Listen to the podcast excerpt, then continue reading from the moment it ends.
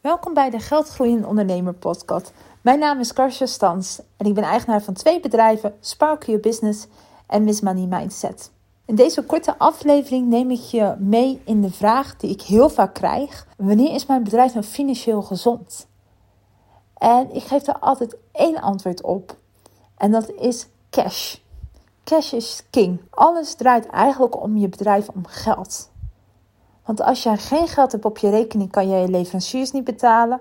Als jij geen geld hebt op de rekening, kan jij niet je personeel betalen. Als jij geen geld genoeg hebt op je rekening, kan je niet je eigen salaris betalen. En als je geen genoeg geld hebt op de rekening, kan jij ook je belasting niet betalen.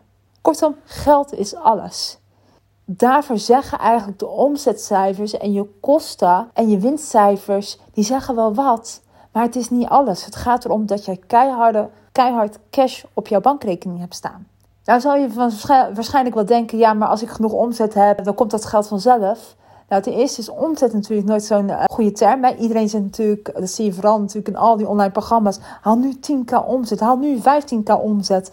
Uh, dat is ongeveer de ideologie van uh, elke ondernemer lijkt het wel. Maar omzet zegt natuurlijk helemaal niks. Het gaat natuurlijk wat er onder aan de streep staat als je je kosten eraf getrokken hebt, je zakelijke kosten. En dan pas heb je je winstcijfer. Maar die winst moet ook wel echt op je rekening staan. Want als jij factureert en die klant betaalt niet, heb jij ook geen cash. Heb jij een aantal klanten die problematisch zijn en die gewoon pas na drie of vier maanden jou betalen, dan zit jij vier maanden gewoon slecht in je cash, want je kosten gaan wel gewoon door. En wat ik ook heel vaak zie bij ondernemers is dat ze geen geld apart zetten voor de belastingen. En dat is ja, zo verhaallijk. Hè? Ik, denk dat je als ondernemer dat ook wel herkent. Hè? Natuurlijk, als je een loondienst bent, dan gaan die belastingen automatisch af. Maar als ondernemer, inderdaad, stel dat je een ton omzet doet, dan krijg je ook gewoon, als het goed is, bijna een ton op je rekening als je klanten betalen en je kosten niet al te hoog zijn. Maar er gaat natuurlijk wel bijna de helft vanaf aan belasting.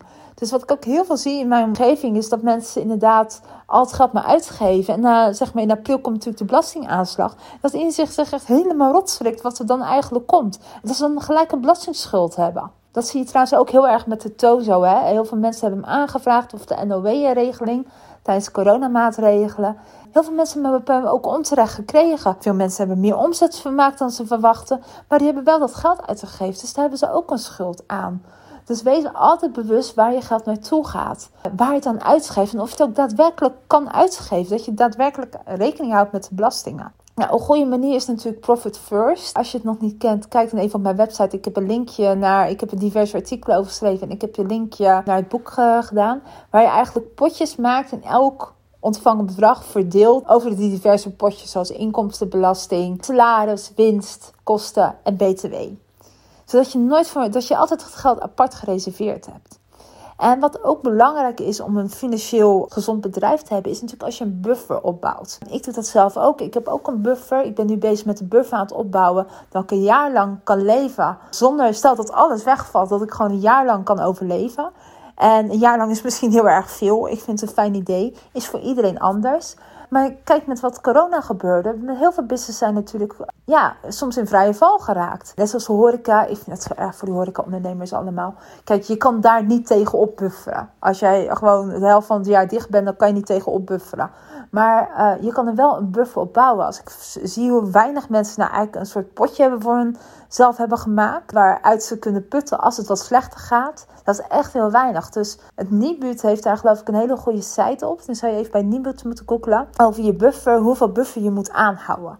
En uh, doe dat alsjeblieft. Help mee met het financieel gezond zijn van je bedrijf. Een andere manier is natuurlijk dat je gewoon inzicht en overzicht hebt. Maak niet gelijk een financieel gezond bedrijf, maar het helpt je wel om financieel gezond te worden. Maar als jij inzicht hebt en overzicht, dan weet je ook, dan kan je waarschijnlijk van tevoren al zien wanneer het slechter gaat en kan je daarop anticiperen. Dus ja, cash is het allerbelangrijkste in je bedrijf. Vergeet je omzetcijfers. Als, ze zijn natuurlijk belangrijk, hè, want het is natuurlijk onderdeel hoe jij cash krijgt. Uh, maar stuur op cash. Nou, dit was een hele korte podcast, maar ik hoop dat je er wat aan hebt. Ga aan het cash saldo werken, houd ook in de gaten. Maak een cashflow overzicht. Dat helpt ook altijd wel goed. Ja, wil je daar hulp bij? Ik heb een speciale modellen daarvoor. Ja, stuur me dan een berichtje. Kijk op mijn site hoe wij kunnen samenwerken. De site is www.sparkyourbusiness.com. Fijne dag!